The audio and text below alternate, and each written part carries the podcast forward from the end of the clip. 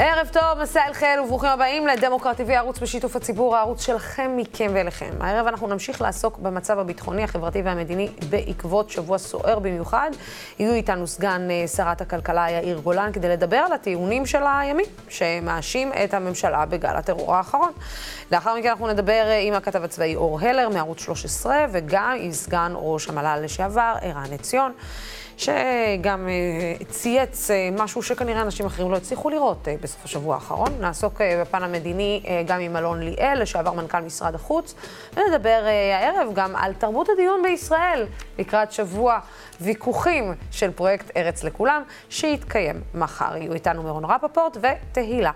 פרידמן. ולסיום אנחנו נארח את שרה פסח, שמשפחתה עדיין נמצאת באתיופיה, כדי לדבר איתנו על הקשיים שהיא חווה כשהיא מנסה להעלות את נושא עליית בני אה, משפחתה לישראל. אבל את התוכנית אנחנו נתחיל עם אה, הטענות שיש באופוזיציה כנגד ממשלת השינוי והאשמה שהממשלה היא זו שאחראית לגל הטרור. אני רוצה להגיד ערב טוב לסגן שרת הכלכלה, חבר הכנסת יאיר גולן ממרצ. שלום שלום.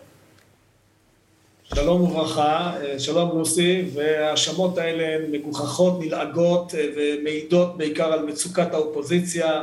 ששוב גולשת כמנהג מנהיגה אה, לתחום ההשמצה, ההכפשה והשקרים. אה, אין קשר, מדינת ישראל אה, נלחמת במשך עשרות שנים בטרור. אני רוצה להזכיר למר נתניהו שבראשון לאוקטובר 2015 התחילה מה שנקרא אינתיפאדת הסכינים, גל טרור שבו נרצחו 47 ישראלים, נמשך מספר חודשים. האם הוא לוקח אחריות על כך? האם הוא חושב שזה קרה בגללו? אני חושב שזה קרה בגלל הפלסטינים, אה, ולכן אה, גם בגל הטרור הזה, אה, לטרור יש כתובת, אנחנו נבוא בחשבון עם כל מי שנמצא בכתובת הזאת, וחוץ מזה נעשה פעולות מגוונות ואחראיות, מדודות ומתונות, כדי מצד אחד להילחם עד חורמה בטרור, מצד שני לחזק את כל מי שלא עוסק בטרור, בין שהוא אזרח ישראלי ובין שהוא לא אזרח ישראלי. אה, אתה יודע, נעלו, אה, אה, עלו טענות, לפחות היום שמעתי את שר הרווחה מאיר כהן, אומר שאולי צריך גם לשלול ביטוח לאומי וזכויות כאלו ואחרות למשפחות של מבצעי פיגועים מתוך ישראל. השאלה היא, האם לשם הולכת אה, הכיוון? זאת אומרת, למה מתוך ישראל? למה לייפות את זה לערביי ישראל, אה, שמבצעים או לוקחים חלק בפיגועים? האם לשם זה הולך? זאת אומרת, אה, האם זו לא החלטה קצת מרחיקת לכת? האם בכלל היא אפשרית מבחינה דמוקרטית ברגע שיש לך אזרח במדינה ולא תושב ארעי או, או אה, מישהו שבעצם... אני, אני, חושב, אני חושב שיש כלל אה, יהודי אה, מוכר וידוע, איש בחטאו יומת. ולא שאנחנו מוצאים להורג, אבל מי שנקט בפעילות טרור, השתתף בפעילות טרור, תמך בפעילות טרור, מדינת ישראל תדע לבוא איתו בחשבון ובאופן החמור ביותר. אה, אבל מי שלא עסק בטרור, אה, אין שום היגיון ואין שום הצדקה, לא מוסרית ולא עניינית, אה, על מנת לאמלל את חייו.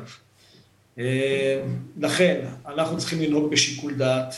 מי שלא עוסק בטרור צריך לדעת שהוא לא נפגע, ומי שעוסק בטרור צריך לדעת שהוא נפגע קשה. אה, ככה יוצרים באמת הרתעה אפקטיבית, ככה לא מצרפים למעגל הטרור כאלה שבכלל לא אשמים בטרור, אבל אם אתה נוהג בצורה לא מידתית ולא מדויקת, אז אתה עלול לדחוק אנשים שאינם מעורבים בטרור למעורבות בטרור, זה דבר מסוכן מאין כמותו. אני יכול להגיד לך כאחד שחוקר תופעות של טרור במשך עשרות שנים, ממשלות נוטות לשגות בנושא הזה, ובמין היסטריה של החלטות נמהרות, אה, להכניס לתוך מעגל הטרור חפים מפשע, שבאופן טבעי אה, נדחפים, ממש נדחפים בכוח לתוך הטרור. נסתכל על מה עשה משטר אסד כלפי אזרחיו שלו, בחלק גדול מהצעדים שהוא נקט בראשית ההתקוממות ב-2011, אם הוא היה נוהג יותר במתינות, מבדיל יותר טוב בין מורדים לבין שאינם מורדים, לא היה גורר את אה, סוריה למרחץ דמים כל כך נורא. אני מנסה להבין, אה, תראה, הממשלה הזאת אה, בעיקר מספקת לאופוזיציה מיום היוולדה הרבה מאוד נשק ותחמושת. אם זה בעליית המחירים, אם זה בהתחדשות אה, או בהסלמה, אז זאת כמובן אה, שרע"מ בתוך אה, הממשלה, זה לא מוסיף לכם נקודות בקרב האופוזיציה. אני עדיין מדברת על איך, על עבודת האופוזיציה כלפיכם, כמובן, אני לא מדברת על דעה כזאת או אחרת. אני לא, לא חשבתי שאני כ, כאיש קואליציה צריך למצוא חן בעיני האופוזיציה, זה לא התפקיד שלי. ואני ממש לא מתכוון לשחק או לרקוד אז השאלה היא, אתה יודע, כש... זהו, כשנתניהו מדבר על עריקים, ומירי רגב אה, מדברת על עריקים, וכולם מתחילים לדבר על עריקים, על כך ש... אה, והם נמצאים בישיבות כאלו ואחרות אה, בתוך הכנסת, זה בעצם מאחד אתכם יותר, כל הדיבור הזה, או שבאמת ישנם אנשים בתוך אני, הממשלה אני... שאומרים, זה לא מה שפיללנו לו? קודם כל, אני לא אחראי על הפנטזיות אה, של אנשי ימין אה, באופוזיציה. זה לא עסקי וזה לא ענייני, יכולים לפנטז על מה שהם רוצים. אני יכול להגיד אה, שאני משוכנע בכך. אחד, שהממשלה הזאת היא ממשלה טובה. שתיים, שכן, מלווים אותה לא מעט קשיים, מכיוון שהיא קואליציה מאוד רחבה של ימין ושמאל, דתיים וחילונים, ערבים ויהודים. אה, זה הקושי שבה, אבל זה גם היופי שבה. אני חושב שהצירוף הזה מלמד על כך שאנחנו יכולים להיות מדינה דמוקרטית, נורמלית, שבה אוכלוסיות שבאות ממקומות שונים מסוגלות לפעול יחדיו, לא בלי ויכוחים. אה, הוויכוח הוא נשמתה של הדמוקרטיה וזה בסדר גמור, אבל בסופו של דבר גם לפעול בצורה אה, מאורגנת, מסודרת, קוהרנטית, ביחס ליעדים לאומיים מוסכמים. ואני חושב שכל אזרח בישראל אה, צריך לברך על קיומה של הממשלה הזאת אה, ולהודות לאל שלא קואליציה של אה, מושחתים עם לאומנים קיצוניים וחרדים מובילה ברגע זה את מדינת ישראל. חבר הכנסת גולן, אתה יכול להגיד לי, דווקא אני רוצה שתשים רגע את הכובע הביטחוני שלך ולשאול אותך, אחד, האם ההחלטה של בני גנץ להרחיב אה, את אה, בנייה של 4,000 אה, יחוד, יחידות אה, דיור, אולי שתתקבל, אה, אם תתקבל, היא נכונה בעת הזאת? אה, ושתיים, האם קורה משהו שהוא קצת אחר בגל ההסלמה הזה? כי בוא נודה על האמת, אה, אה, אה, המצב בירושלים שקט, אה, המצב בעזה שקט. המצב בגדה המערבית שקט. הסטטוס קוו בהר הבית נשמר. האם יכול להיות שאנחנו מתמודדים מול משהו שאולי אנחנו לא מזהים אותו, או שאנחנו מזהים אותו ומבינים שיש פה משהו שהוא קצת אחר? אני אתייחס קודם כל לשאלה השנייה, ולאחר מכן נחזור לסוגיית הבנייה. Mm-hmm. מה שאנחנו רואים פה זה לא גל טרור, זה מספר אירועי טרור שכנראה הראשון עורר השראה בשני ובשלישי. אה, אבל אה, יש בכוחנו להצמית את המגמה הזאת ולא להפוך אותה לגל. ולכן תגובת הממשלה היא מאוד נכונה, להגיב בהרבה מאוד כוח, בנוכחות אה, מסיבית בשטח, להחזיר את הביטחון לאזרח הישראלי, ובעצם הנוכחות למנוע אירועי טרור נוספים. זו בדיוק הכוונה. אני יכול להגיד, יש לי המון ניסיון בעניין הזה, כשמתחיל טרור צריך להטיל על השטח כולו שמיכה עבה, כדי שלא יצוצו כל מיני מוקדים חדשים, וכדי שבאמת ההרתעה תוחזר והביטחון יושב לאזרח. אה, אז אני חושב שמבחינה הזאת ההחלטות שהתקבלו הן נכונות, החלטות טובות, ואנחנו נמשיך וננקוט אה, בגישה הזאת במהלך כל החודש הקרוב, אני מזכיר, זה חודש רגיש של הרמדאן, של הפסחא וכמובן של חג הפסח. אה, הדבר אה, השני זה ביחס אני רק, אה, לפני שאתה עונה לי על הדבר השני, אני רק אגיד שראש הממשלה אמר שמדינת ישראל נמצאת גל טרור ערבי רצחני. אתה יודע, זה... אני, אני קצת יותר, אני מרשה לעצמי להיות קצת יותר זהיר, קצת פחות דרמטי אולי בהתנסחויות. אה, אולי פוליטי צריך להיות יותר דרמטי, אבל אני מעדיף להיות מתון בעניין הזה. אני חושב שפרקטית, עזבי רגע את ההצהרות, פרקטית על החלטות שהתקבלו והצעדים שמיושמים בשטח הם בכיוון הנכון מאוד. ואני מברך על כך שהתקבלו ההחלטות הנכונות. אתה יודע, זה עניין, אתה יודע, אתה אומר, אתה מעדיף להיות הרבה יותר זהיר אה, במילים שלך, אבל הייתה שם בחירת מילים מאוד מאוד מאוד ספציפית. זאת אומרת, אה, על אף שנרצחו ערבים, בין אם זה דרוזי, בין אם זה נוצרי, בגל, בהסלמה האחרונה, עדיין ראש הממשלה אה, מתעקש על כך שזה גל, ל, ל, ל, ל, זה לא שזה לא ערבים שביצעו את זה, אבל עדיין הוא מתעקש להשתמש במילים האלה, ולא בגל טרור לצורך העניין. אז אני חושב שזו בחירת מילים לא הכי מוצלחת. אני חושב שכן, אי אפשר להתעלם מהעובדה שבלחימה למען ביטחון ישראל נהרג שוטר דרוזי ושוטר אה, ערבי, ואני חושב שזה רק ממחיש כמה הברית היא ברית בין המתונים כנגד הקיצונים, ברית בין המתונים לאלה שמנסים להעביר מדורות, ברית בין המתונים שרוצים בחיים ובעתיד ילדיהם, לבין אלה שרוצים רצח והשמדה ומוות ושכול. אז אה, אני מציע שבאמת אה, נאמר, נגדיר בצורה ברורה בין מי למי המאבק, והמאבק הוא קודם כל על הנורמליות, על המתינות, על היכולת אה, להיות יהודי גאה, ערבי גאה, נוצרי גאה, מוסלמי גאה, בתוך מדינת ישראל, מבלי שהגאווה הזאת תבוא על חשבונו של איזשהו מישהו אחר. זה בעיניי היעד שאליו צריך לחתור. אה, אם תרצה, אני אחזור לשאלה הראשונה. כן, אני אשמח, אה, כן, בנושא הבנייה. כן, אז אני יכול להגיד שבנושא הזה, אה, אני צריך לראות, עוד לא ראיתי את התוכנית הסופית. יש מקומות שאני יכול לקבל בנייה בהבנה, אני לא חושב שמישהו באמת נזעק מבנייה נוספת במודיעין עילית, או בביתר עילית, או במעלה אדומים. אבל אני חושב שבנייה בגב ההר, שעלולה להקשות על תהליך ההיפרדות מהפלסטינים, היא טעות חמורה. אה, הלבנה של אה, מאחזים בלתי חוקיים היא טעות חמורה. ולכן אה, אני אדרוש משר הביטחון לראות התוכנית לפרטיה ואתייחס לדברים בצורה קונקרטית, אתר-אתר, מקום-מקום, לפי האם הוא מחזק את המגמה של היפרדות מהפלסטינים, שזה בעיניי העתיד האפשרי היחידי למדינת ישראל, או מחזק את מגמת הסיפוח, שהיא בסופו של דבר בעיניי, כיהודי וכציוני גאה, היא פשוט עלולה להמיט אסון על החלום הציוני. אה, סגן השרה יאיר אה, גולן, תודה רבה לך על הדברים האלה. אה, נקווה שאנחנו נראה אותך בפעם הבאה באירועים קצת יותר, פחות מזעזעים ויותר טובים. ואם לא נתראה עד אז... ימים שקטים, תקופת חגים שמחה, ושלום על ישראל. בדיוק, שיהיה חג שמח כמובן. חג חירות שמח ורמדאן קרי. כן, השבוע הזה היה אה, אחד השבועות הקשים אה, לעיכול, אה, השבוע הקודם, כמובן אנחנו מדברים, שבוע שהתחיל עם פסגת הנגב הגדולה בהשתתפות ארבע מדינות ערב, אבל הסתיים אך ורק עם העצב והפחד שבעקבות גל הטרור. כדי לדבר איתנו על השבוע הזה נמצא איתנו באולפן ערן עציון, סגן ראש המל"ל לשעבר. שלום, שלום. שלום, ערב טוב. ואיתו בזום הכתב הצבאי של חדשות 13, אור הלר. שלום, שלום גם לך. שלום, לופי. אור, אני רוצה להתחיל אה, איתך, ברשותך, אה, ערן.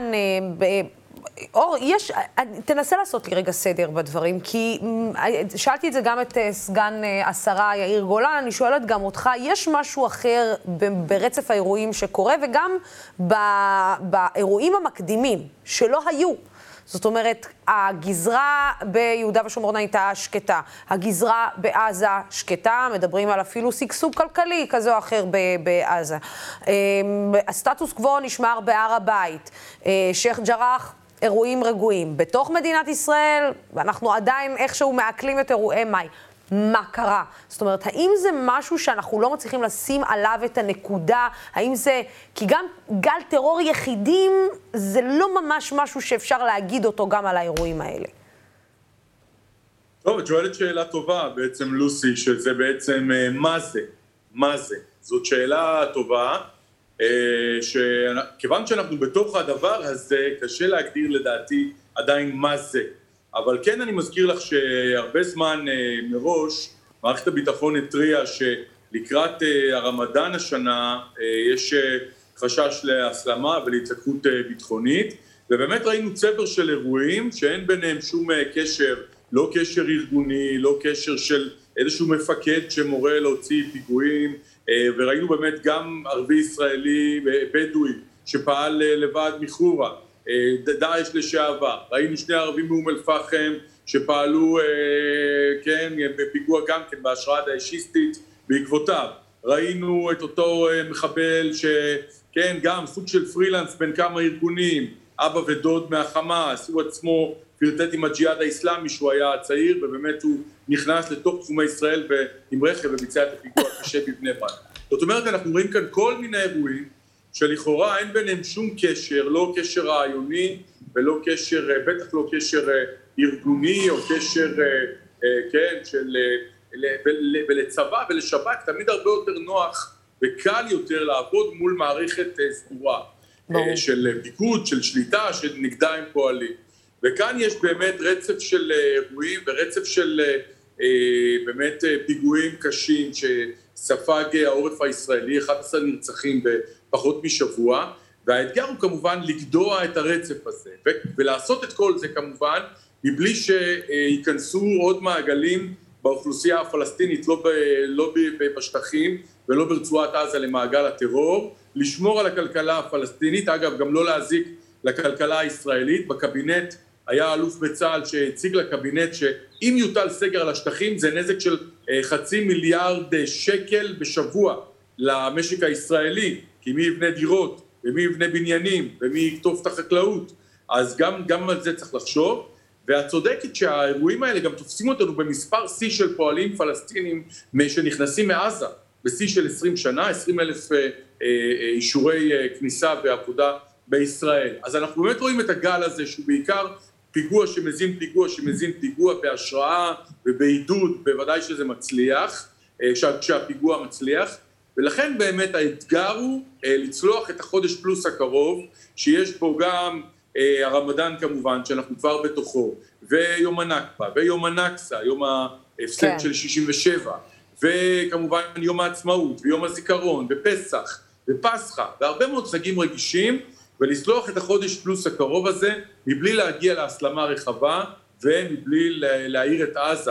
כי אני מזכיר לך שאפרופו הזכרת את שומר חומות, זה התחיל במזרח ירושלים, ומהר מאוד הדליק את כל רצועת עזה, 4,360 רקטות, וההצלחה של החמאס, של סינואר בסדר שומר חומות, יותר מכל רקטה או יותר מכל טיל, היה כמובן ליצור את הלינקג' הזה בין מזרח ירושלים, שטחים, ערביי ישראל והערים המעורבות, וכמובן עם עזה שהובילה את הטון עם הירי על העורף הישראלי. תודה. אז האתגר הוא לעשות את זה עם בידול בין הגזרות, ולהשאיר כמה שיותר אנשים מחוץ למעגל הטרור והלחימה. אגב, אור, עד כמה התיאום הביטחוני בינינו לבין הפלסטינים, במיוחד אחרי אותו גינוי מאוד חריג של אבו מאזן, עד כמה התיאום הזה עבד גם בפעולה האחרונה שבה נפצע מפקד בכיר בג'נין?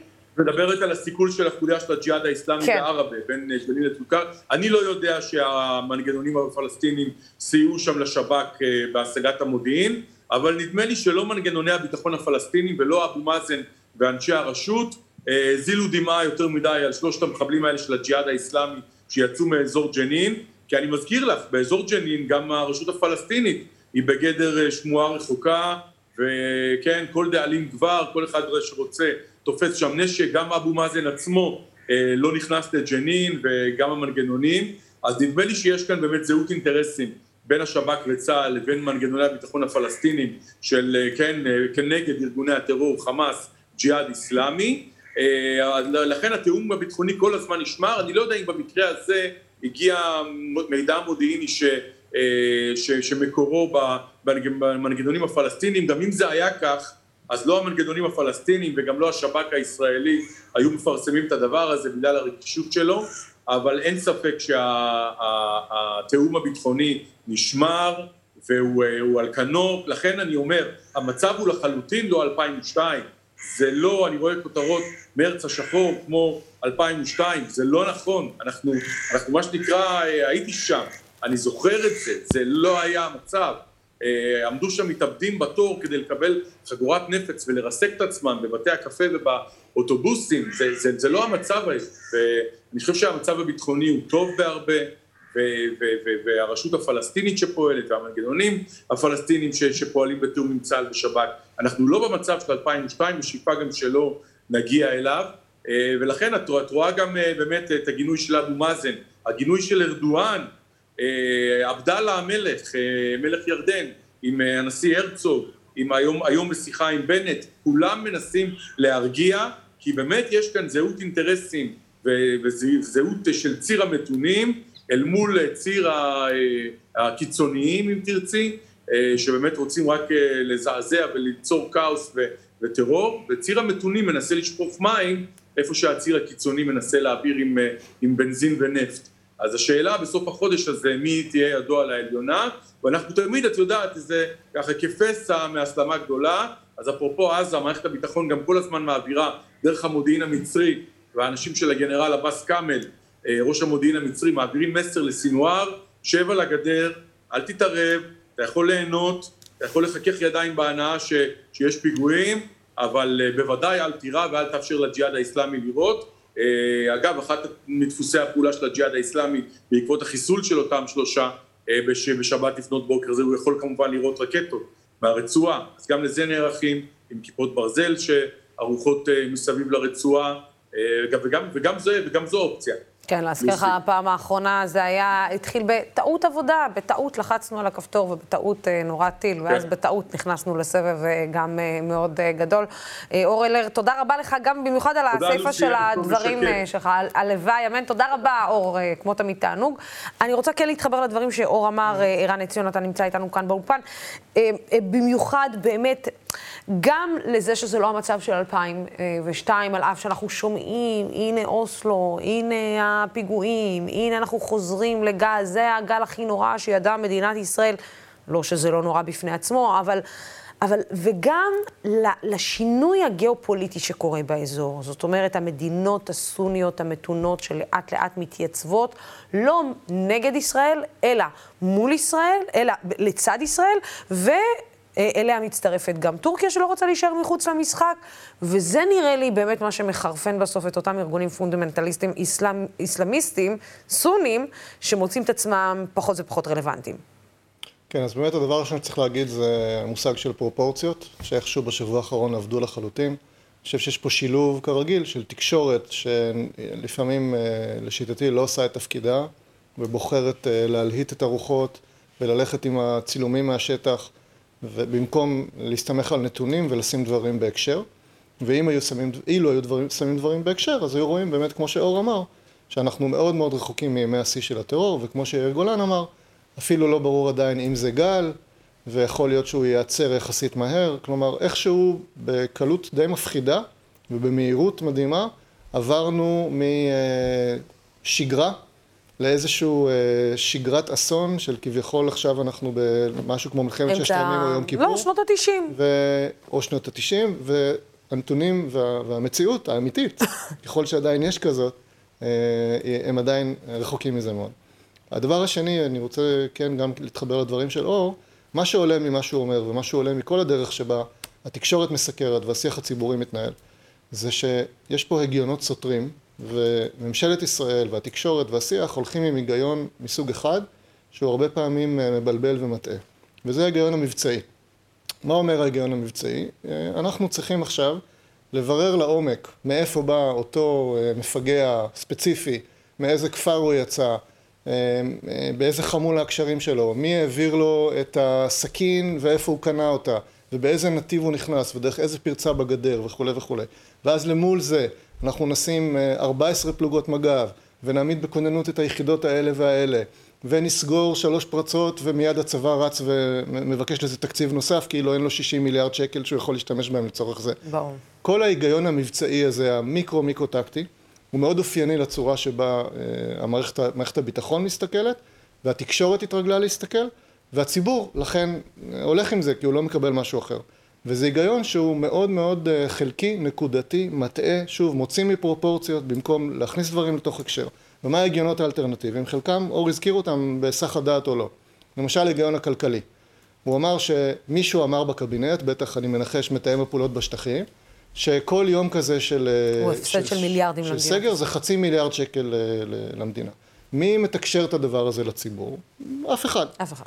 אמ, הלאה, ההיגיון המדיני... אין אינטרס, בוא, אין אינטרס אה, פוליטי בעיקר לתקשר את הדבר הזה. בוא נתחיל מזה שיש אינטרס ציבורי, שכל התמונה תהיה בשיח, ושיהיה דיון מושכל על בסיס נתונים ועל בסיס כל ההיבטים של המצב. יש אינטרס ציבורי לדבר הזה. אינטרס ציבורי בוודאי. אה, יש אינטרס ציבורי למה? אבל יש... של הציבור. של הציבור, אבל, אבל זה נראה שהציבור קצת אה, אטום מרגיל- מלשמוע. אני לא חושב, אני את, חושב אה, את שמרגילים האמת. אותו. אני לא חושב.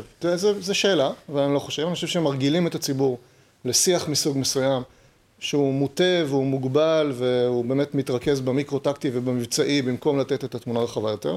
אז יש את ההיבט הכלכלי.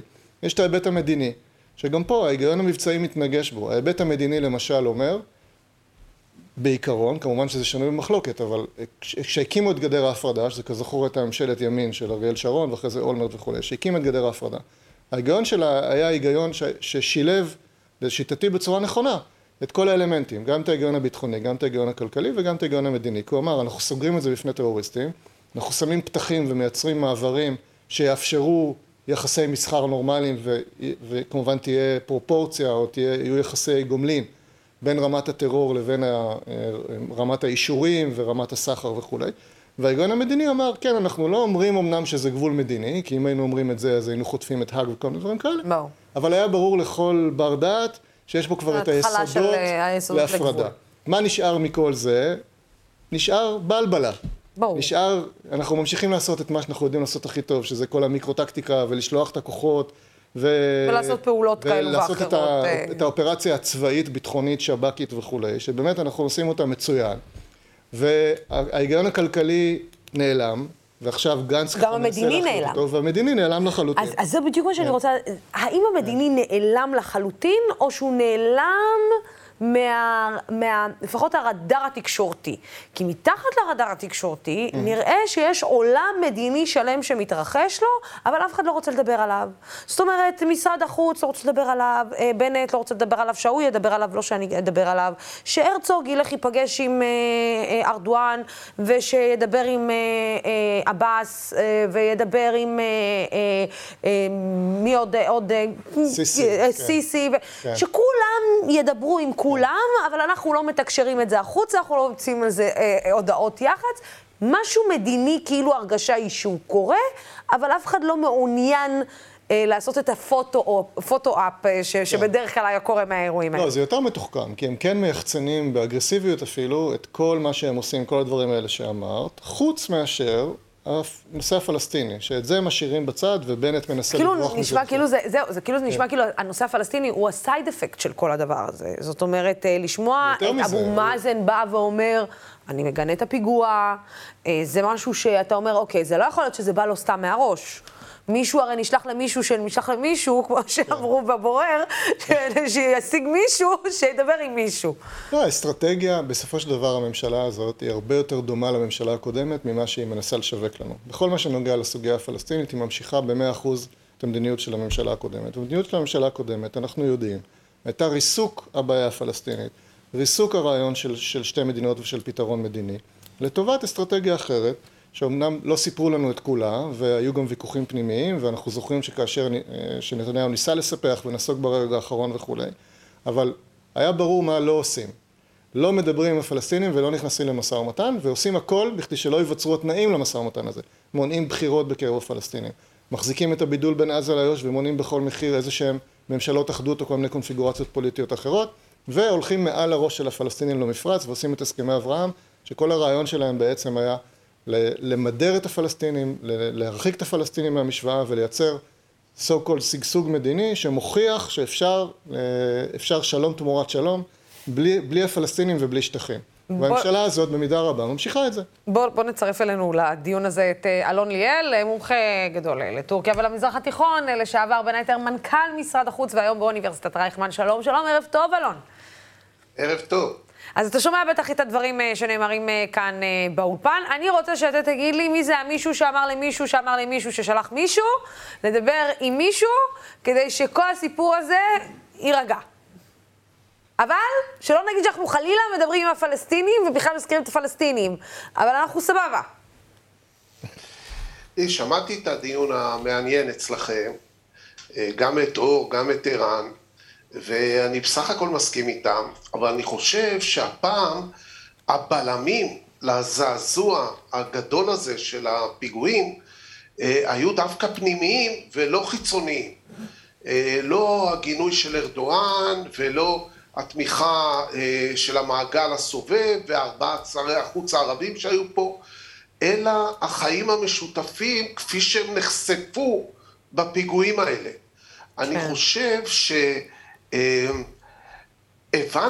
שיהיה קשה יותר לדרדר את המצב עם פיגועים כשיש לך בלמים כאלה שאחד ההרוגים הוא ממשמר הגבול והוא דרוזי ושוטר נוצרי נהרג עם הזוגיות שלו וראש עיריית בת ים נוסע להלוויה שלו ולנחם את, את אביו ו, וגם הגינויים הפנימיים החזקים מאוד אה, של מנסור עבאס ולצד האכזריות הנוראית ש, שהפיגועים האלה חשפו ועם, והתסכול הנוראי שיש בחוקים מסוימים אולי נגד לאור ההצלחות המדיניות אה, הענקיות שלנו נחשף פה עולם של חיים ביחד שהוא בעצמו מהווה בלם חזק מאוד למקרים של הידרדרות ואני חושב שזה שונה ממה שהיה לפני עשרים שנה באינתיפאדה כי לא היו אז בלמים מהסוג הזה ועכשיו לשמחתי הם קיימים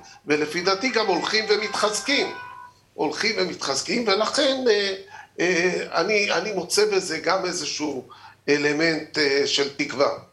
אתה יודע, אני, אני מנסה להבין, אנחנו בימים האחרונים גם בעיקר מנסים להבין אה, מאיפה מגיעה ה...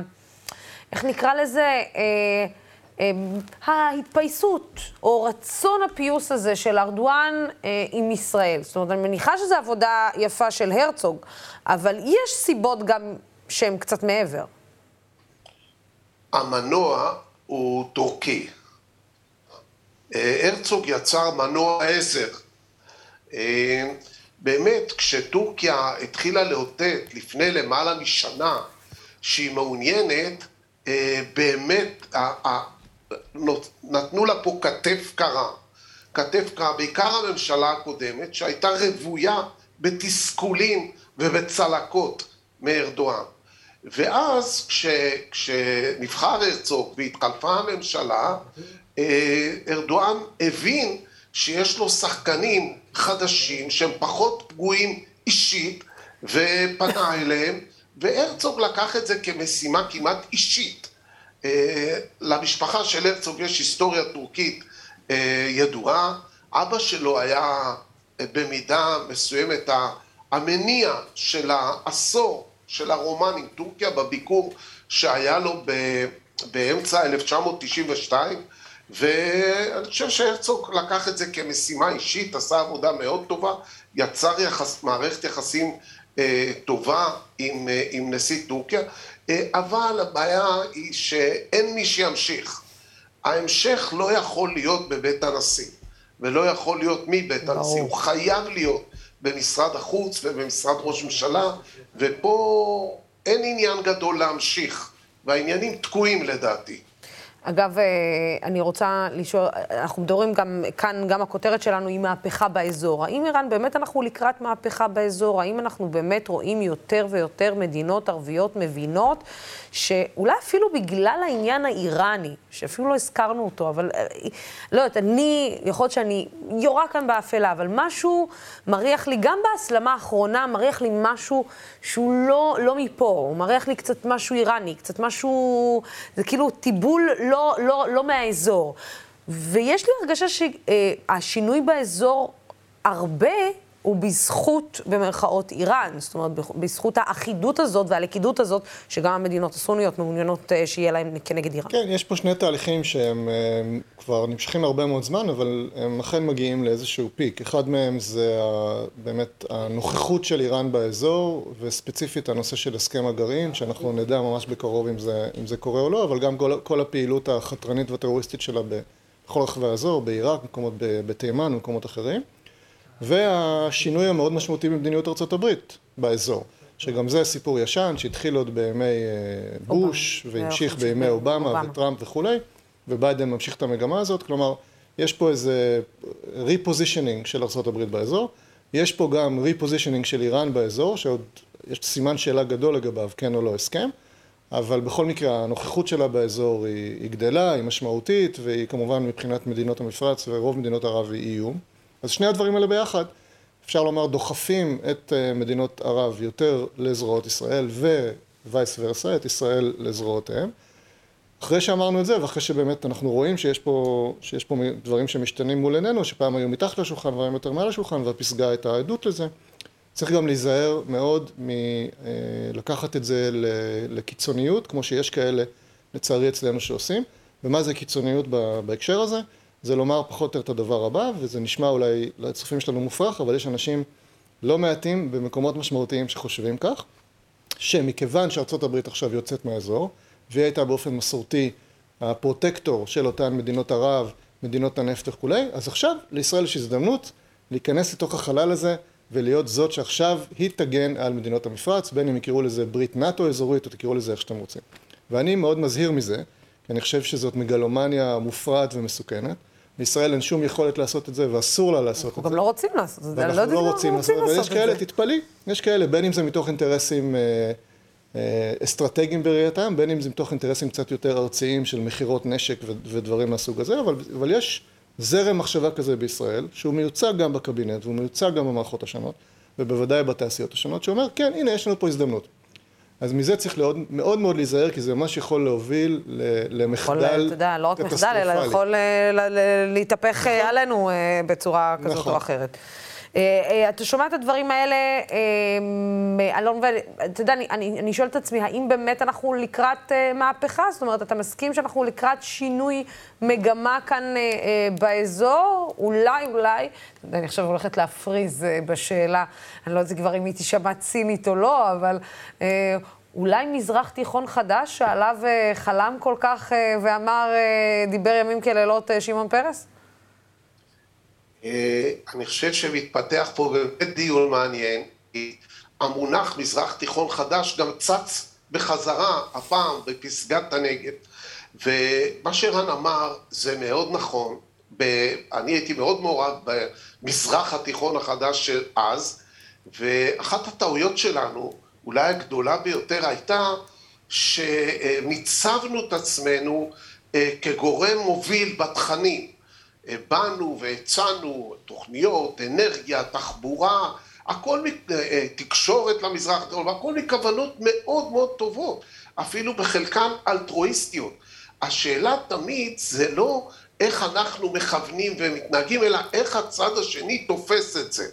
ואנחנו תמיד אמרנו, אין לנו שאיפות להנהיג את המזרח התיכון, אבל כשיש פסגה כזאת כאן, עם ארבעה שרים ערביים, ויש אה, את, את ארדואן ברקע, ויחסים טובים עם ירדן ברקע, והפלסטינים מחוץ לתמונה, הסכנה היא באמת שיפרשו גורמים בעולם המוסלמי והערבי, יפרשו את זה כמין אה, סוג חדש כן. של אה, אימפריאליזם, או סוג.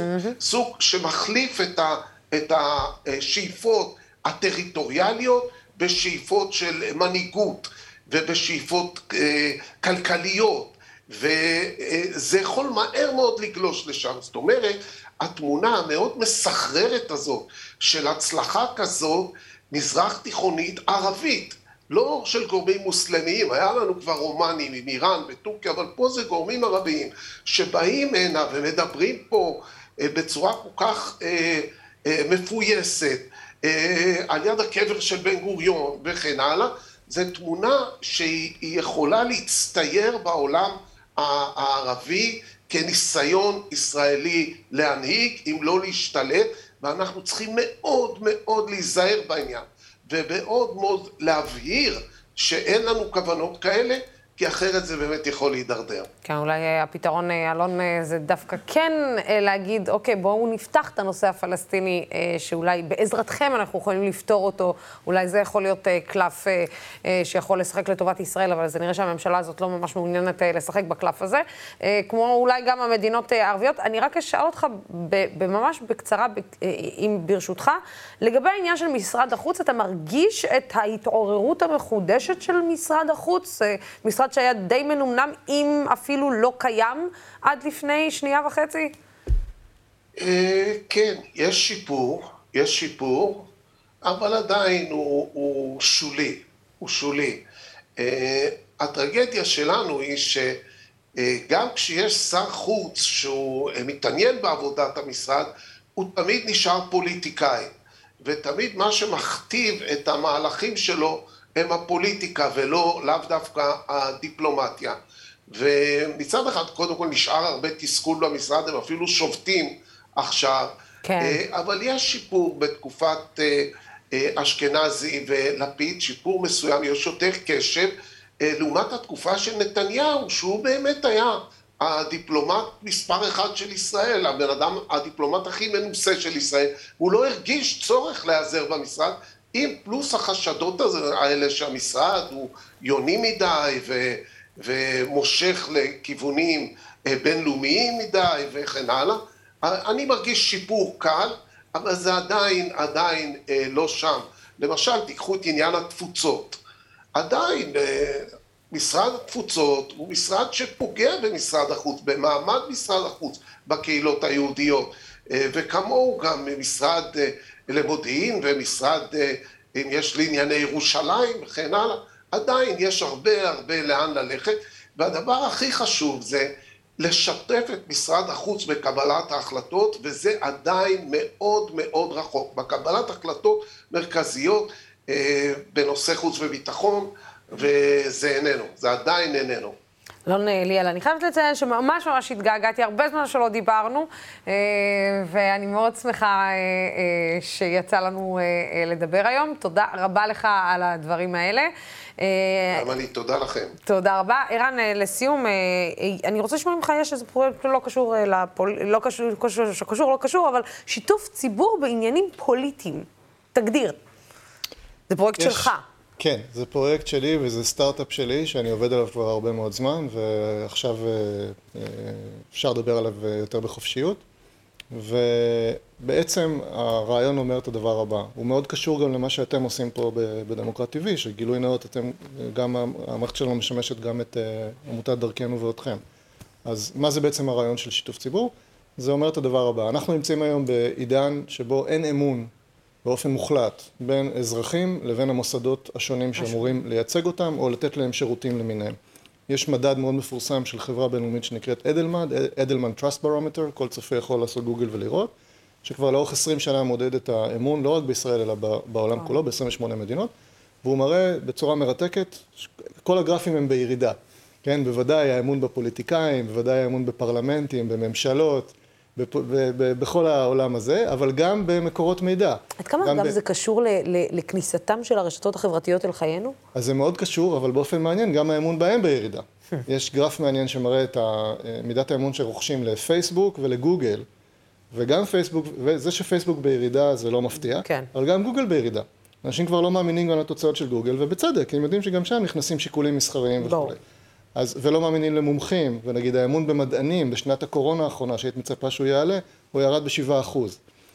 כלומר, האזרח, הצרכן, הלקוח, האדם באשר הוא, ישראלי או, או בכל מדינה אחרת, מסתכל ימינה-שמאלה ושואל את עצמו, למי לעזאזל ולמה לעזאזל אני יכול להאמין, והוא לא מקבל תשובות. אז מה הדרך להתגבר על זה? הדרך להתגבר על זה היא לייצר סביבה דיגיטלית, שבה יש מידע שהוא אמין, ובה יש תקשורת שהיא דו-כיוונית ומשמעותית, ביני כלצורך העניין תושב, נגיד תושב תל אביב, או ביני כחבר מפלגה, זה יכול להיות מפלגת העבודה או מפלגה אחרת, מפלגת okay. אוקיי. העבודה פשוט היו הראשונים ש... שהלכו על זה, אבל יש עוד מפלגות שאני מקווה שיבואו גם, ואז בעצם יש מנגנון של קבלת החלטות משותפות. החל מ... האם אה, כביש מסוים בלב תל אביב יהפוך להיות שביל אופניים כן או לא, זו החלטה שעיריית תל אביב מחליטה בחלק מהדברים לשתף את הציבור. Mm-hmm. מה זה הציבור הרלוונטי? הציבור שמשתמש ברחוב. שמשתמש ברחוב. אז במקום שאני, נגיד, אם אני תושב רחוב כזה, או רוכב באופניים ברחוב הזה, עד היום, התחושה שלי הייתה שההחלטות מתקבלות מעל הראש מעל הראש. בלי שאף אחד סופר אותי, אז עכשיו יש לי יכולת להשתתף בהם.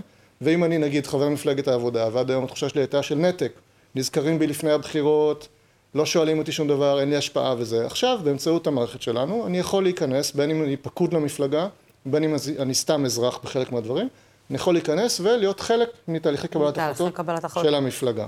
אז זאת מגמה שבעולם היא כבר נמצאת הרבה שנים, בישראל היא מתחילה להיכנס. אגב, זה סיכון למפלגה. נכון. זה סיכון למפלגה. נכון. כאילו, כי בעצם אה, אם המפלגה לא תעמוד, ולפעמים, אתה יודע, לא כל המפלגות הפוליטיות כן, מסוגלות כן. לעמוד בפני החלטות זה... פוליטיות, זה, האזרח יבוא ויגיד, אוקיי, אני באתי, נתתי את ההחלטה, נכון. את דעתי, ואתם לא ממש הקשבתם לי, אז... זה סיכון גם למפלגה וגם לעירייה וגם לכל מי שעושה את זה, אבל מול מה זה עומד? זה עומד מול מה שאמרנו קודם, מול משבר אמון, מול הבנה היום של כולם. אנחנו פגשנו עשרות ראשי ערים ועשרות מנכ"לים של ארגונים וראשי מפלגות וכולי. כולם נמצאים היום מול התהום הזאת של חוסר האמון, שהם יודעים שלא מאמינים להם, הם אה. שואלים את עצמם איך אני מייצר, איך אני משקם בחזרה את האמון הזה. ומבחינתם הדרך לעשות את זה היא לייצר תקשורת שהיא דו-כיוונית והיא משמעותית, ואז בעלי העניין שלהם, בין אם זה חברי מפלגה, תושבי עיר, לקליינטים של משרד ממשלתי, של חברה מסחרית, של עמותה, לא משנה, ברגע שהם מרגישים ורואים בפועל, במבחן התוצאה, שאכן לקול שלהם יש משמעות, שומעים אותם, מקשיבים להם, והדברים בסופו של דבר מתרגמים להחלטות בשטח, ככה הם באים, ככה הם יביאו את החברים והחברות שלהם, וככה מתחילים לאט לאט בהדרגה מדהים. לשקם את האמון. אה, איך נכנסים? www.raiseit.com R-A-I-Z-I-T R-A-I-Z-I-T raiseit.com אה, אתם רוצים להשפיע על החלטות? אתם רוצים להיות חלק מקבלת ההחלטות? תיכנסו אה, לשיתוף הציבור בפוליטיקה, בעולמות הפוליטיים, לא רק בתקשורת. ערן עציון, תמיד אה, תענוג, תודה רבה לך. תודה רבה. תודה רבה שהגעת אלינו. מחר בערב בשעה שמונה וחצי יתקיים בזום אירוע ויכוחים של ארגון ארץ לכולם, שמקדם פתרונות מדיניים עם הפלסטינים. וכדי לדבר איתנו על החשיבות של תרבות הדיון, גם כאשר הכוחות מנוגדים, אה, תכף אה, ייכנס לאופן אה, מירון אה, רפפורט, אה, עיתונאי ומייסד ארץ אה, לכולם, ובזום כבר נמצאת חברת הכנסת לשעבר, תהילה פרימן. אם יש מישהי שאפשר לדבר איתה על תרבות דיון, זה עם תהילה. אה, שלום, שלום לך. אהלן, שלום. אני רק רוצה לומר, אני לא אה, חברת ארץ לכולם, אבל אה, כן, אני כן, כן. משתתפת בדיונים שלהם. אז, אז באמת, תני לנו רגע טעימה, תהילה, מאותה, מדיון שמתקיים שם. בוא נגיד, לא דוגמת מה שראינו אתמול, סתם דוגמה במוצאי שבת בפגוש את העיתונות. כן, באופן כללי, תראי, אין כל כך דיון בישראל בנושא המדיני, זה מצחיק, נכון? כי זה כאילו הנושא שמעצב את הפוליטיקה הישראלית כבר המון המון שנים, אבל בפועל אה, אין דיון. יש מין כאילו, אתה שמאלני, אתה ימני, אתה עוכר ישראל, אתה בוגד, כזה. אה, ואין כל כך מרחב שבו אפשר אה, גם לשאול שאלות, גם להתלבט. גם לנסות לבחון את השינויים שקורים במציאות ומה הם אומרים לנו. אה, זה נושא כל כך נפיץ, אני, אני, אני בעצמי, אני חייבת לומר, אני הבעתי את הסכמתי להשתתף אה, בחשש. אה, זה מוזר לומר את זה, אבל באמת זה, זה, זה נושא ש... הוא כל כך נפיץ והוא כל כך, אנחנו לא מסוגלים או, או הפסקנו לדבר עליו ואנחנו רק משתמשים בו ככלי ניגוח, אה, שמאוד אה, מפחיד להיכנס לשיחה הזאת. זה מאוד מפחיד להיכנס לשיחה הזאת, הנה הצטרף אלינו מרון רפפורט, אה, שמכיר מקרוב תרבויות דיון, מי כמוך יודע, בתור עורך של תוכניות אקטואליה, אתה יודע מה זה כשמאבדים את זה, ומאבדים את תרבות הדיון באולפן, ובאופן אוטומטי גם הקשב הולך לאיבוד, וכולם מאבדים בכלל, גם בקשב בבית, גם בקשב באולפן. אני לא יודעת אם יצא לך לראות אתמול את פגוש את העיתונות, זאת הייתה הדוגמה, אה, אתמול האירוע שקרה שם, הייתה הדוגמה לכך. אה, מאיפה בכלל מצליחים, מתחילים לשקם את השיח? תראי, אני לא פה בשביל לתת עצות לכל התקשורת הישראלית, אה, עבדתי הרבה שנים בכל מיני כלי תקשורת שונים ומשונים. אני רוצה לדבר על הדיון המדיני. אני חושב שהדיון המדיני, אה, השאלה המדינית כאילו נעלמה מהשיח לחלוטין. זאת אומרת, היו לנו ארבע מערכות בחירות אה, מ-2019 עד היום, אה, וגם לפני זה. כאילו זה איננו. ועכשיו אנחנו רואים היום, בימים האלה, תזכורת כואבת, שזה לא איננו. שזה שאנחנו מסירים את מבטנו, זה לא אומר שזה לא קיים. ולכן אנחנו בארץ לכולם, ואני כמובן מזמין את כולם לבוא ולשמוע את, אה, את הוויכוחים, יהיו דיונים מול אנשי ארץ ישראל השלמה וסרוגים נגיד באופן כללי, זה לא כולם ארץ ישראל השלמה, כי תהילה היא לא ארץ ישראל השלמה, עד כמה שאני יודע, יהיה דיון מול אנשי שתי מדינות קלאסיים, יהיה דיון מול קונפדרציה ויהיה דיון אה, פנים פלסטיני, ואתם מוזמנים לעמוד הפייסבוק של ארץ לכולם, אבל אני חושב שהדבר המרכזי הוא לנסות להישיר מבט ולהגיד, רגע, זה החיים שלנו כאן. על זה אנחנו נחיה ועל זה אנחנו לפעמים גם נמות, ולכן אי אפשר לא לדון על זה. זה פשוט בלתי אפשרי. אני כן חושב שספציפית, ארץ לכולם מנסה לצאת מתוך המבוי הסתום הזה שאנחנו נמצאים בו, שבו יש תחושה עמוקה שתהליך אוסלו וכל מה שכרוך בו כשל. ואנחנו מנסים למצוא איזושהי תשובה ל, ל, ל, לעניין הזה. לא כולם חייבים להסכים איתנו, לכן אנחנו קוראים לזה אה, אה, שבוע ויכוחים. לכן תהילה נמצאת שם שהיא לא איתנו, אה, ו, ונמצאים עוד אחרים שהם לא איתנו, איימן עודה ו, ו, וזהבה גלאון ו, ו, ו, ואחרים, הם לא איתנו, אבל אנחנו רוצים לדון. כי, כי אי אפשר להשאיר את הזירה הריקה. אבל השאלה היא באמת, האם אתם באמת מרגישים, אה, שניכם, תהילה, תגידי לי את, האם אתם באמת מרגישים ש... אה, אני, אני יודעת כמובן שהשאלה הפלסטינית-ישראלית אה, אה, לא על השולחן, על אף שנראה שהיא על השולחן מבלי שגורמים רוצים שהיא תהיה על השולחן. אם אתם מבינים למה אני מתכוונת, אה, תהילה? זאת אומרת, אה, יש הרבה דיון אה, סביב אה, היחסים אה, בין הישראלים לפלסטינים בשולי הדברים. זאת אומרת, אם זה עם אה, מדינות ערב, אם זה עם מד... בקשה ממדינות ערב שידברו עם הפלסטינים, אם זה בקשה, בקשה מטורקיה, אבל לא השיח הישיר. השאלה היא אם באמת אה, בסוף, הרי אנחנו מדברים תמיד על, ה, על, אה, על כך ש, שרוב הציבור הוא בעד פתרון שתי המדינות, רוב הציבור רוצה שאנחנו נחיה פה אחד לצד השני, אבל הרוב הציבור הזה לא ממש בא לידי ביטוי. אה, והשאלה היא האם בתוך כל הדבר הזה, אנחנו גם נשמע את, או, או, או אנחנו שומעים, נשמע את הפתרונות, או אני לא יודעת אם יהיה פתרונות, או שגם אה, אה, הדיון הזה בכלל עצמו הוא רלוונטי למדינת ישראל של 2022. אני מרגישה שהדיון המרכזי ש, שעולה עכשיו, ושבעצם עלה במאי הקודם, וקצת אה, כדרכנו הישראלית, כאילו מין ארזנו, המשכנו הלאה, הדחקנו וככה, זה האם בכלל אפשר להפריד בין הסוגיה הפנים אזרחי ישראל, זאת אומרת יחסי יהודים ערבים בתוך ישראל, לבין הסוגיה של הקונפליקט הישראלי-פלסטיני. עכשיו, אם אי אפשר להפריד, אז זה פותח סט שלם של שאלות, נכון. שדווקא לכולם אני חושבת שמאוד מאוד מתייחסים אליהם, גם בפתרון שהם מציעים, הם מאוד מתייחסים לדבר הזה. אבל אה, אני חושבת שזה כאילו שאלת הבסיס, בסדר? מה הנחת היסוד? האם זה שתי סוגיות נפרדות? האם זה סוגיה אחת? ומה המשמעויות של כל אחת מהאופציות האלה? אני, אמ, אני נורא אוהבת את החוסן הישראלי, שלא משנה מה קורה, אנחנו ממשיכים הלאה, אבל יש לו לפעמים גם מחירים, והמחירים שלו זה הדחקה, ואני מרגישה שיש דיונים שהיו צריכים לקרות אחרי חודש מאי ולא קרו, אה, והם אה, הם, הם חייבים לקרות, אי אפשר, אי אפשר, אי אפשר לא לדבר עליהם. אה, מאוד. תראי, קודם כל אני לגמרי מתחבר למה שתהילה אמרה. אני חושב, תראי, זה מכוון שאין דיון, אבל זה קיים. זה קיים. אנחנו מדברים על זה כל הזמן. נדמה לנו שאנחנו לא מדברים על זה, אנחנו מדברים על זה בבתי הקפה ואנחנו מדברים על זה באוטובוסים ואנחנו מדברים על זה במשפחות ואנחנו מדברים על זה בבתים, אנחנו כל הזמן חיים את הסכסוך הזה, הוא כל הזמן. הוא היה במאי, כמו שתהיי, מאי אה, שנה שעברה, הוא חוזר עכשיו בימים המדממים של, של השבוע שעבר, הוא קיים כל הזמן. ואני חושב שכן, אני חושב שתהילה הצביעה כאן נקודה מאוד מאוד חשובה. אנחנו, זה לא רק מאי. זה גם בשנתיים שקדמו לכך. העלייה של הציבור הפלסטיני לתוך מרכז השיח, הפוליטיקה הישראלית. היום יש לנו גם בקואליציה, היה לנו אה, אה, מפלגו, אה, רשימה משותפת שהמליצה על גנץ פעמיים במערכות הבחירות. אנחנו נמצאים היום, יש הכרה הולכת וגוברת, גם בציבור היהודי, שאין משחק פוליטי בלי הציבור הפלסטיני הערבי בתוך ישראל.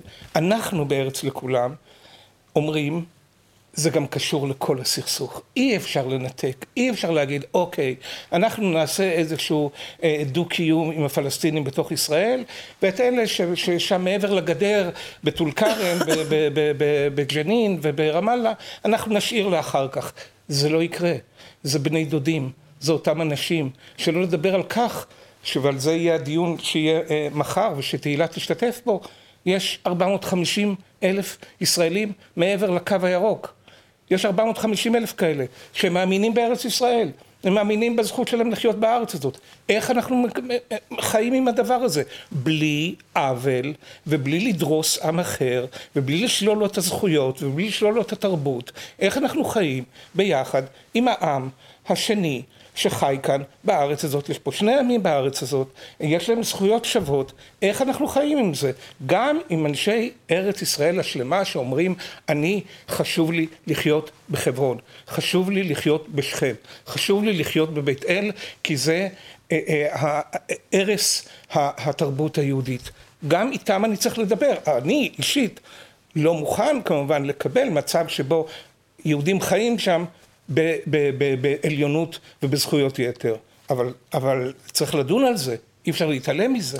את יודעת, אה, תהילה, בסוף אה, השאלות האלה, אה, ומירון, השאלות האלה הן שאלות שאני חושבת שגם, אני רואה יוזמה אזרחית שבאה ואומרת, אוקיי, אם אתם המנהיגים לא רוצים לדבר על זה, הנה אנחנו באים לדבר על זה, ואנחנו באים להעלות את הסיפור הזה מתחת, מוציאים אותו מתחת לשטיח ושמים אותו על פני השטיח.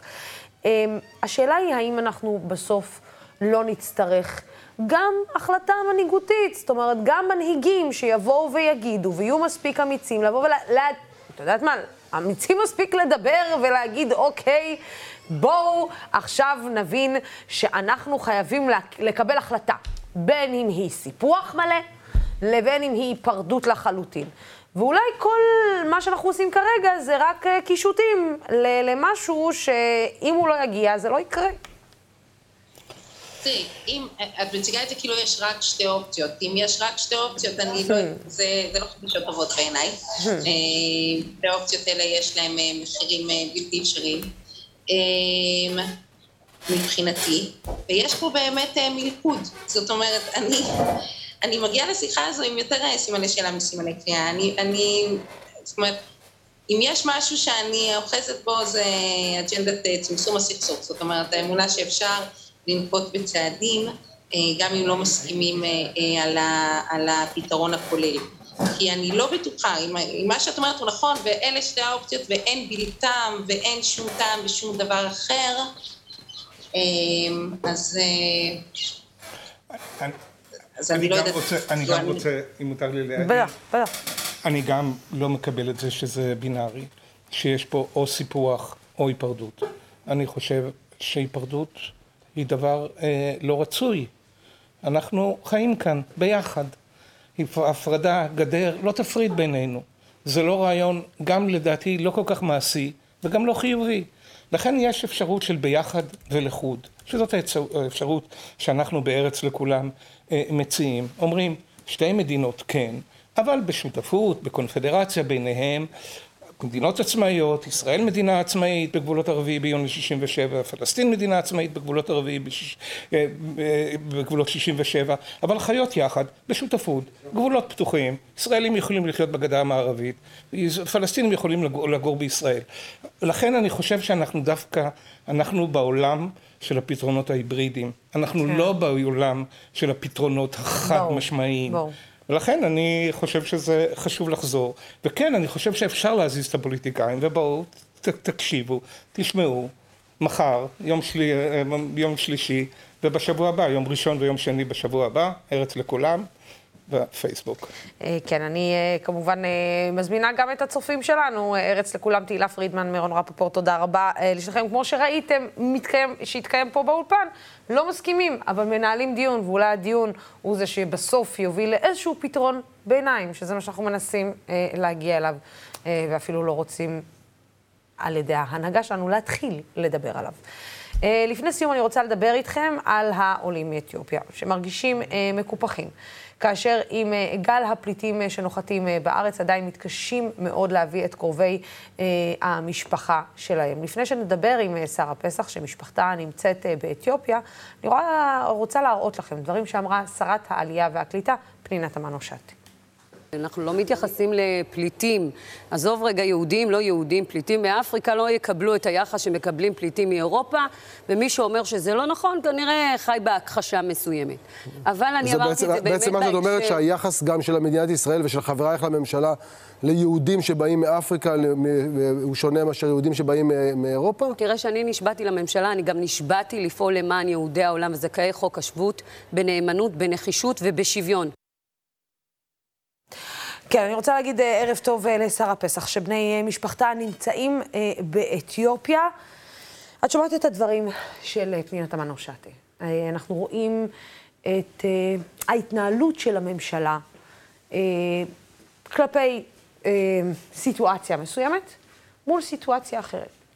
אני חייבת להגיד לך שבימים האחרונים, אל מול הסיקור הבלתי פוסק שהיה למלחמה בין רוסיה לאוקראינה, שאלתי כמה פעמים שאלה אחת. יש מלחמה שמתקיימת באתיופיה. אה, יש שארית של עם ישראל ושארית של אה, יוצאי אתיופיה, יהודי אתיופיה שנמצאים באתיופיה.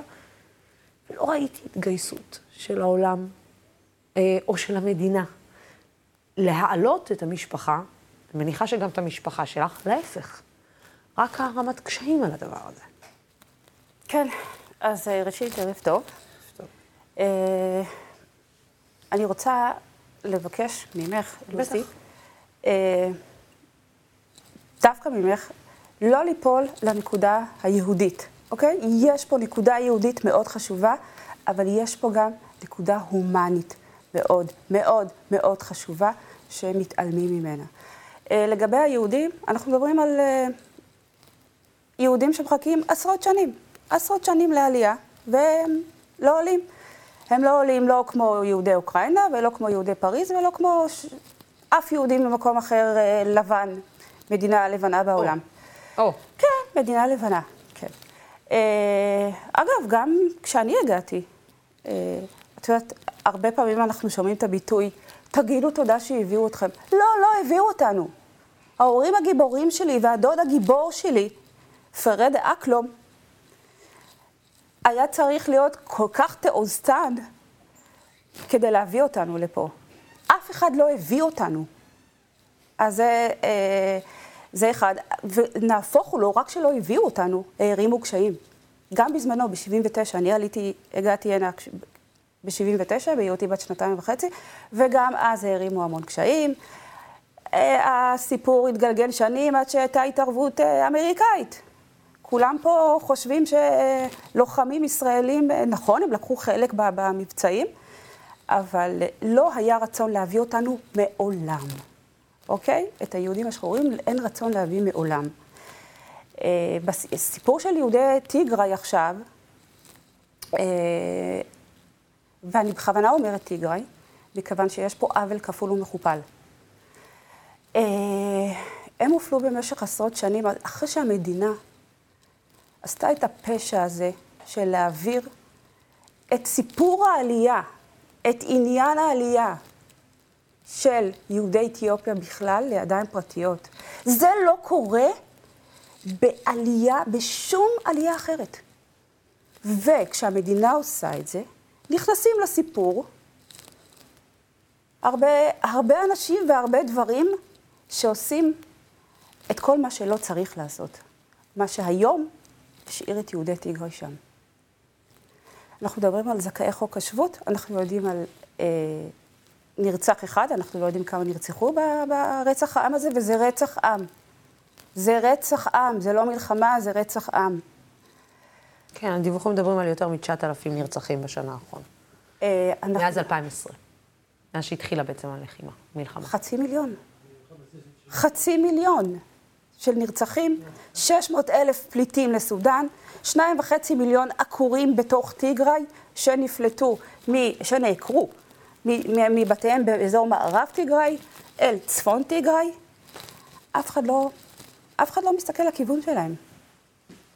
אחד לא מסתכל לכיוון שלהם. כשאנחנו כאן מתחננים לסיקור, את אף אחד זה לא מעניין. כשאנחנו כותבים מיילים והודעות ו- ומחאות, את אף אחד זה לא מעניין. למה? אני חושבת שאת עונה על התשובה בעצמך. שאת עונה, את- סליחה, את עונה על השאלה כן, בעצמך. כן.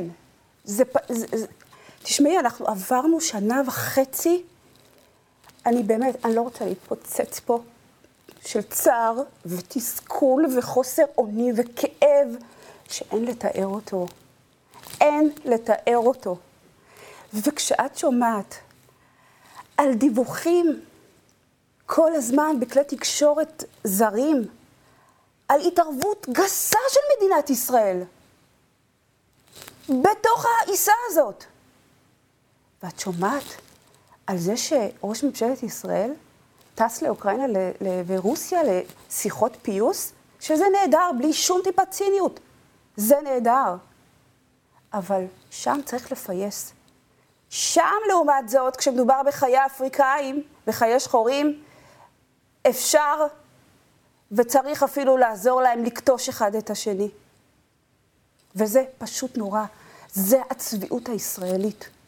כשאת מדברת על לכתוש אחד את השני, אני מדברת מה? על, על, ה- על, ה- על החיבוק, ש- על הנשק, על החיבוק, על התמיכה הכלכלית. כן. יכול מאוד להיות שמישהו מהמשפחה שלי נרצח בגלל סיוע ישראלי. ואף אחד לא יוצא להגיד לנו שזה לא, שזה לא אחרת. אני כתבתי וצלצלתי, אף אחד לא טורח להגיד, יקירתי, זה לא ככה, בואי נסביר לך את הסיטואציה. כשעומד בספטמבר האחרון, אה, אה, ראש ממשלת ישראל, מר אה, נפתלי בנט, בעצרת האו"ם, ואומר בצדק על העולם לפעול כדי למנוע את התחמשות איראן. כמה שעות לפני כן עומד גדי יברקן, חבר כנסת בישראל, מדבר בשמי, בשמך, בשם כל אזרחי מדינת ישראל, בשם כנסת ישראל, בשם ממשלת ישראל, ואומר, אנחנו מוכרחים לתמוך בממשלת אתיופיה. זו שמבצעת רצח עם. איפ, איפה האיזון פה? למה? כי את הישראלים אסור לרצוח, נכון? אסור לרצוח אף אחד. אבל החיים של, הח- החיים של אה, אה, בני עמי בתיגראי לא שווים. את... אה, את יודעת, אני, אני, אני רוצה לשאול אותך שאלה, אה, שאולי היא קצת, אה, קצת לא פשוטה. עד כמה את מרגישה יהודייה בימים אלה? עד כמה את מרגישה ישראלית בימים אלה? אני לא מרגישה ישראלית בימים אלה. איך אני יכולה להרגיש ישראלית בימים אלה? אני לא יודעת אם מדינת ישראל שותפה לרצח בני העם שלי. אף אחד לא יוצא לדבר איתנו, אף אחד לא יוצא להגיד לנו, לא, חברים, זה, זה אחרת. אף אחד לא מדבר איתנו כדי להגיד לנו, אוקיי, סיוע הומניטרי, אתם פה צווחים, שופכים את נשמתכם במחאות פה. בואו נרגיע אתכם, בואו ניתן קצת מזור לנשמה הכל כך פצועה שלכם. אף אחד לא מסתכל לכיוון שלנו. את מבינה ש... ואפרופו סיוע הומניטרי, שנייה, משהו מאוד מאוד חשוב. אם ישראל רוצה לסייע בטיגריי ולשלוח סיוע הומניטרי, היא לא יכולה, המל"ל לא יכול להתייעץ עם שגריר אתיופיה בישראל. כי שגריר אתיופיה בישראל שותל לפשע הזה. וכל סיוע הומניטרי שנכנס לטיגריי מהעולם ומהאו"ם נשדד על ידי ממשלת אתיופיה. אז אתם רוצים לתת סיוע הומניטרי, אתם קוראים בעצם לגנב להיות בתוך החדר בשביל להתייעץ איתו על סיוע הומניטרי לטיגריי? מה, מה אומרים לך הפוליטיקאים שאת... הם לא אומרים כלום, אנחנו כלום ושום דבר. אנחנו כלום ושום דבר. חיי מיליונים, מיליונים, חיי מיליונים בטיגריי, והם לא חשובים. חיי ישראלים כן חשובים. אנחנו עם סגולה. בשם העם סגולה הזה מותר לנו לעשות הכל. וזה נורא. זה מרגישה נורא. עם סגולה? על, כאילו, על היותך יהודייה, את מרגישה... ממש את- לא. את- נותנים לך להרגיש שאת חלק מהעם היהודי, או שאת מרגישה בימים אלה שאת... אני עוד כלום, יותר- ושום, אני כלום ושום דבר. כלום ושום דבר, איזה, על, על מה את מדברת? אם כשהגענו הנה היה צריך כל הזמן, כל, לא, צר, לא היה צריך, אלא היהדות שלנו הייתה מוטלת בספק, והיא עדיין מוטלת בספק, כן? ואם כישראלית אף אחד לא רואה אותנו ולא שומע את הזעקה שלנו, אבל כן אפשר לרוץ ולהתגייס לאוקראינה, וזה נהדר בלי שום ציניות. זו ארץ ישראל שהכרתי, זו ארץ ישראל שאהבתי. אבל מה קורה פה? מה זה הצביעות הישראלית הזו? זו צביעות ישראלית או שזה גזענות? זו צביעות ישראלית. ואם אנחנו נכנסים לתוך העניין של יהודי טיגריי, זו גזענות. הערמת קשיים בלהעלות אותם ארצה, בלהעלות אותנו ארצה, זו גזענות. והצביעות, אני אומרת, כשאתה מסתכל אל מה שקורה בטיגריי, בהקשר הישראלי, ואל מה שקורה באוקראינה. זו צביעות. כאילו להראות לנו, הנה, אנחנו מאוד הומניים ואנחנו עוזרים. אז אני מקבלת דיווח מארגון סיוע שאני בקשר איתו, שאומר לי, תקשיבי, זבוב לא נכנס לפה, השקיעו מיליונים פה בבית, בבית חולים השדה. זבוב לא נכנס לשם. אף אחד לא מגיע לשם מן התופת. מה ביקשנו? מה ביקשנו לעזאזל? פת לחם. זה פשוט לא נתפס שיש שם אזרחים שמחכים קיבינימט לפת לחם. אז בשם הקשרים הכל כך טובים וידידותיים עם אתיופיה, ובשם המתנות שגדי יברקן כנראה ממשיך להעביר להם, אנחנו רוצים שיצילו חיים בישראל יודעת לעשות את זה. לא עם שגריר אתיופיה בישראל. לא. אנחנו פה חווים התנכלות ורדיפה גם כן. רצח העם הגיע לפה. אני הזהרתי ואני מזהירה עוד פעם, יהיה פה אסון. יהיה פה אסון. יש כאן את הכנסייה בירושלים של נזירים, הכנסייה האתיופית, נזירים ממוצא אתני אמהרי וטיגרי שחיו יחד בכנסייה. כל הטיגרים סולקו. צריך לבדוק את הקשר של גדי יברקן ושגריר אתיופיה בישראל לדבר הזה, לפשע הזה. היום הם נתונים ללא קורת גג, ללא משכורת, עם צו יציאה מהארץ. אנחנו כמובן אה, נעביר גם את ה... נבקש גם מגדי יברקן אה, תגובה גם לדברים האלה. בוודאי. את יודעת, מה, מה מספרת לך המשפחה שלך? אנחנו לא יכולים ליצור איתם קשר. אין קשר. אין תקשורת. אין דרך ליצור איתם. הם מנותקים מהעולם. אין דרך ליצור איתם קשר. אנחנו לא יודעים מי בחיים, מי לא בחיים. מה, מה שרדו את ההפצצות ומחכים לפת לחם? אולי נהרגו כבר כולם בהפצצות? כל פעם שאנחנו שומעים אה, אה, הפצצה במקום X בשירה, למשל, בני המשפחה של, אה, של הדודים של אבא שלי חיים בשירה, אז אנחנו אומרים, וואו, הנה, עוד סיכוי שהם לא בין החיים. אבל זה לא רק המשפחה שלי, זה עם שלם שמתעלמים ממנו. זה עם שלם שבאמת, אני, אני כבר לא מוצאת את המילה ל, ל, ל, לאכזריות. והטיגרים הם אותם אלה, אני לא יודעת מי לוחש שם, מי היועץ הגיאופוליטי במשרד החוץ. אבל אני פה כדי להזכיר לאלה שאולי שכחו, שמי שהיה ותרם והיה חלק כל כך חשוב בביטחון ישראל, באתיופיה, והמבין יבין על מה אני מדברת, אלו היו הטיגרים במשך 30 שנה. היום תוקעים להם סכין בגב, אולי תרתי משמע. את יודעת, אה, הרגשת התסכול הזאת אי פעם עוברת? היא לא תעבור. אני יודעת שהיא לא תעבור. לצערי הרב, אני הורדתי את הדגל מהבית שלי. איך אני יכולה להזדהות עם הדגל הזה? כשהבן שלי, בן 16, שואל אותי, כשהוא רואה את כל התסכול ואת כל מה שעובר עליי בשנה וחצי האחרונות, הוא לא דיבר הרבה. הוא לא דיבר הרבה, כי הוא כזה, כי הוא לא מדבר הרבה. אבל שאלה אחת כואבת הוא שאל אותי, אמא, את עדיין רוצה שאני אתגייס לצבא? מה ענית לו? שאני לא יודעת. שאני לא יודעת. זה כל כך עצוב. מאוהבי המדינה הזו הייתי. כן. גם בינינו יש טובי הארץ.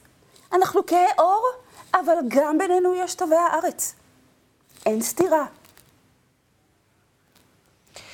את יודעת, אה, אני, אה, אני כל כך מבינה את מה שעובר עלייך. אני כל כך מבינה את התסכול שלך. אה, ואני כל כך מבינה את הרצון שלך, את, את הקרע שלך, בין האהבה הגדולה שיש לך למקום שאת חיה בו וחלמת להגיע אליו, לבין איך המקום מתייחס אלייך. ואהבתי אותה. אהבתי אותה, חינכתי ואני מחנכת את ילדיי לאהבת האדם, לאהבת הארץ. אבל אני חושבת לאהבת ש... כל אבן ופינה פה. תראה, אמרתי, כמו שאמרתי לך, אני מבינה אותך מאוד. אמ, אל תיפול רוחכך, כמו שאומרים, רוחך. מהאטימות ומה... ומהגזענות.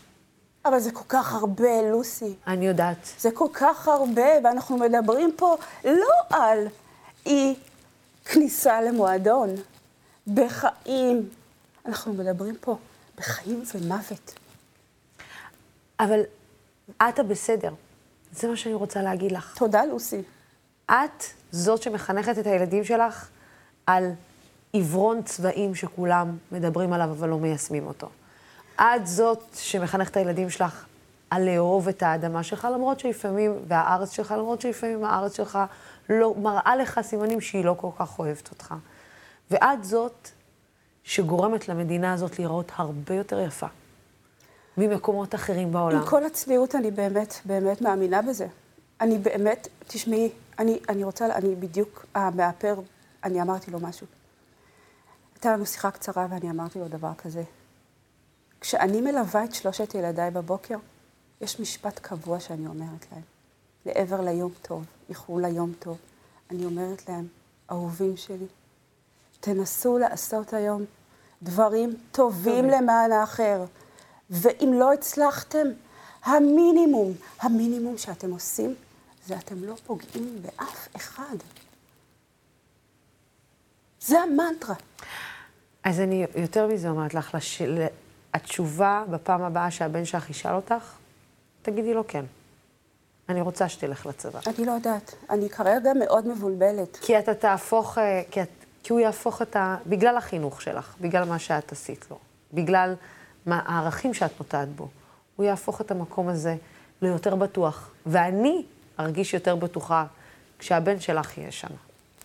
זה מאוד מחמיא לי, לוסי, מאוד מחמיא לי, מאוד מחזק. יחד עם זאת, אני יודעת שאני מאוד מאוד מבולבלת. אנחנו עוברים תקופה יוצאת יודעת. בישראל, עוברים תקופה שאני אומרת, עוד ההשלכות. אנשים לא מבינים את זה. לא, לא, אנחנו נהיה פוסט-טראומטיים. אנחנו בטראומה עכשיו. אני חושבת שאנשים. אה, כמו שאמרתי, אנשים אוהבים לדבר על אה, זה שהם עיוורי צבעים, ואנחנו לא באמת עיוורי צבעים. אנחנו לא, אנחנו בוחרים להיות עברי צבעים. כן. אה, ואני חושבת שמי שרוצה להסתכל על המדינה הזאת בעיניים, צריך להסתכל גם על העיניים הגדולות והיפות שלך. ו... תודה רבה. ואני באמת, אני ולהסתכל רוצה... על האמת, כי זאת האמת. תודה, ואלה לוסי. הצבעים לוסי. שיש במדינה הזאת גם. לוסי, זה, זה, זה כל כך החיזוק הזה שאנחנו צריכים, זה כל כך האוזניים האלה שאנחנו... אני לא רוצה להתפרק פה מבכי, אבל אלה אוזניים שכל כך ייחלנו להם שנה וחצי, שאף אחד לא מקשיב לנו. כל הדלתות נטרקות. זה, זה פשוט בלתי אפשרי מה שעברנו ומה שאנחנו עוברים. ועכשיו, באמת, אני מנצלת את הבמה הזאת, הבמה שלך. ואני אומרת, הביאו את יהודי טיגריי. אנחנו לא יודעים מה עוד נותר שם. זה לא ייתכן שחלקם זכאי חוק השבות, והם מחכים שם עשרים שנה ויותר. זה פשוט לא ייתכן דבר כזה. דבר שני, בואו תעזרו לנו להציל חיים, להגיש סיוע הומניטרי. לא דרך גדי יברקן ולא דרך שגריר אתיופיה בישראל. יש פה סתירה. דברו איתנו. אנחנו נקשר אתכם לאנשים הנכונים. שרה פסח, אה, קודם כל, אני אאחל לך אה, חג חירות שמח. אה. לקראת, אה, חג הפסח אה, שמתקרב אלינו. אחד משמות הפסח, אני חושבת שזה אחד משמות המשפחה שלך זה חירות, וכנראה בגלל זה את, כן, את אני- נלחמת על החירות. תודה רבה שבאת רוצה אלינו. לאחל לכל, הרעיון הזה, כמובן, אני גם מצרפת אתכם לכל אדם בבית. בעולם חירות. באמת, חירות אמיתית. אז אני מצרפת אתכם בבית גם אה, אה, לעשות אה, בעצם אה, אה, שיתוף לריאיון הזה שראיתם עכשיו, אה, לדברים ששמעתם. דברים לא פשוטים, אנחנו כמובן גם נעלה את הריאיון הזה בנפרד. אה, תודה רבה לך. אנחנו נביא כמובן את אה, תגובתו של אה, גדי יברקן לדברים האלה בתוכנית הבאה שלנו ביום רביעי בשידור חי. שרה פסח, תודה רבה לך. תודה רבה, לוסי. ותמשיכו עם זה, זה לא נגיעה וגמרנו, בבקשה. תודה. רק תישארי איתי בינתיים. מחר בשעה שש נשדר לכם את התוכנית שיחה אישית, והפעם שיחה מרתקת עם יוסי ביילין. תודה רבה לצופים והשותפים של דמוקרט TV. התוכנית הזאת והערוץ הזה אפשרי רק בזכותכם ובזכותכן. אפשרי גם לעשות שיחות כאלה מאוד חשובות. בימים כמו אלו הולכת ומתחדדת החשיבות של ערוץ תקשורת שלא מפחד להביע עמדה נחרצת בעד הדמוקרטיה ובעד שלטון החוק, בעד המאבק בשחיתות ובעד מגוון של דעות וצבעים. נתראה מחר בשיחה אישית וביום שלישי עם תוכנית מיוחדת על ערים מעורבות בישראל. עדיין לא הצטרפתם כשותפים של דמוקרט TV? מה קורה? תצטרפו עכשיו ותעשו share לשידורים שלנו. סלמת.